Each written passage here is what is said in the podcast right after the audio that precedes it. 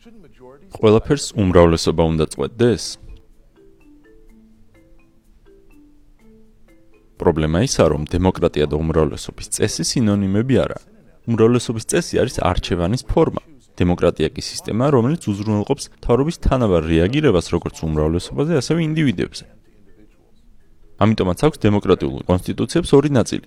პირველი, სფერო ან ზუსტი საზღვარი იმისა, თუ რის გადაწყვეტად ჩვენ შეგვიძლია კოლექტიურად და მეორე, პროცესი, რომლითაც ჩვენ გადაწყვეტილებებს ვიღებთ. უმრავლესობის წესის არჩევაში პრობლემა ისაა, რომ უმრავლესობას შეუძლია მომდეს ყველაფრის გადაწყვეტა და არა მხოლოდ იმ საკითხებისა, რომელიც მას კონსტიტუციით აქვს განსაზღვრული. მოდი განვიხილოთ ორი მაგალითი.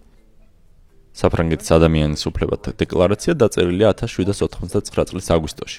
ადამიანების უმეტესობა იტყვის, რომ საფრანგეთი ქმნიდა დემოკრატიას, მაგრამ შეხედეთ მათ მიერ დაცულ რელიგიის, სიტყვისა და მედიის თავისუფლებას.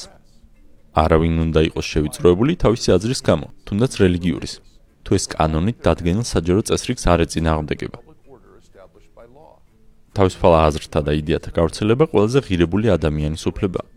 შესაბამისად, ყველა მოქალაქემ უნდა ისაუბროს წეროს და ბეჭდოს თავისუფლად და დაექვემდებაროს პასუხისგებლობას ასეთ თავისუფლების ბოროტად გამოყენებისთვის, კანონით განსაზღვრულ შემთხვევებში. ასეთ წესებს ხომ თითქმის არ შეუძლია უმრავლესობის შეზღუდვა. ეს წესები ამბობს, რომ შეგიძლია ის თქვა ნაკეთო, რაც არ ეწინააღმდეგება კანონს. ეს რანაირი დაცვაა? აი ამერიკული თავისუფლების დეკლარაცია დაიწერა დაახლოებით 1 თვის შემდგომ 1789 წლის სექტემბერში აი პირველი შესწორება.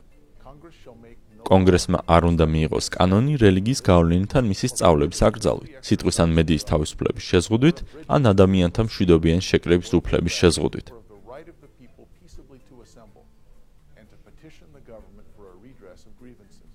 აი ესაა გამოკვეთილი დაცვა უმრავლესობისგან. არ დაარღვიო კანონი კი არა, არამედ არ მიიღო კანონი.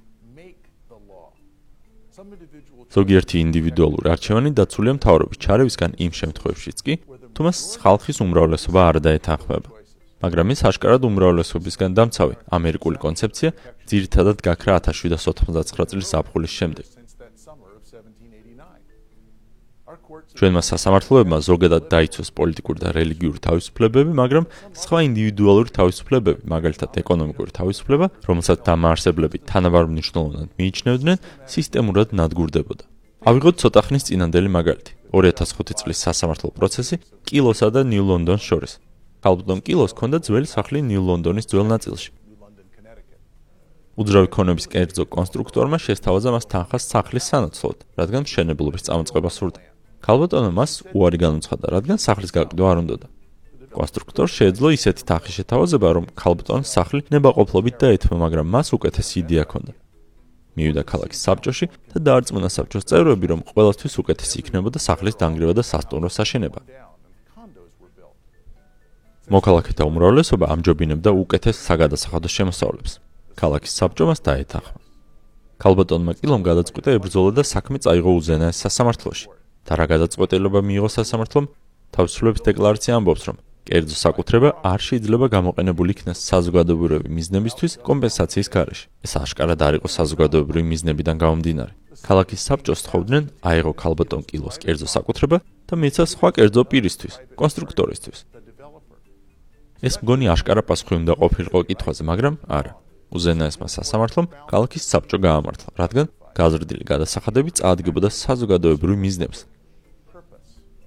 ანუ უმრავლესობისთვის სარგებლის მოტანის მიზნით დასამართლომ უარი თქვა ინდივიდის უფლებების დაცვაზე. თუმცა ეს არასწორია. თავრობამ უნდა დაიცვას ინდივიდი და მისი საკუთრება. მაშინაც კი თუ უმრავლესობა სხვა რამ უნდა. ეს აშშ-ის კონსტიტუციისა და ჩვენი დემოკრატიის განუყოფელი ნაწილია. ამის გარეშე გამოდის, რომ ჩვენ მეფის ტირანია უბრალოდ შეცვალეთ დიდი ჯგუფის ტირანიით. როდესაც უმრავლესობები ყოველთვის იგებენ თითოეული ჩვენგანი აგებს. ნიშნულოვანია, რომ უმრავლესობის წესი სამართლე დემოკრატიულ მართლობაში არ ავურიოთ.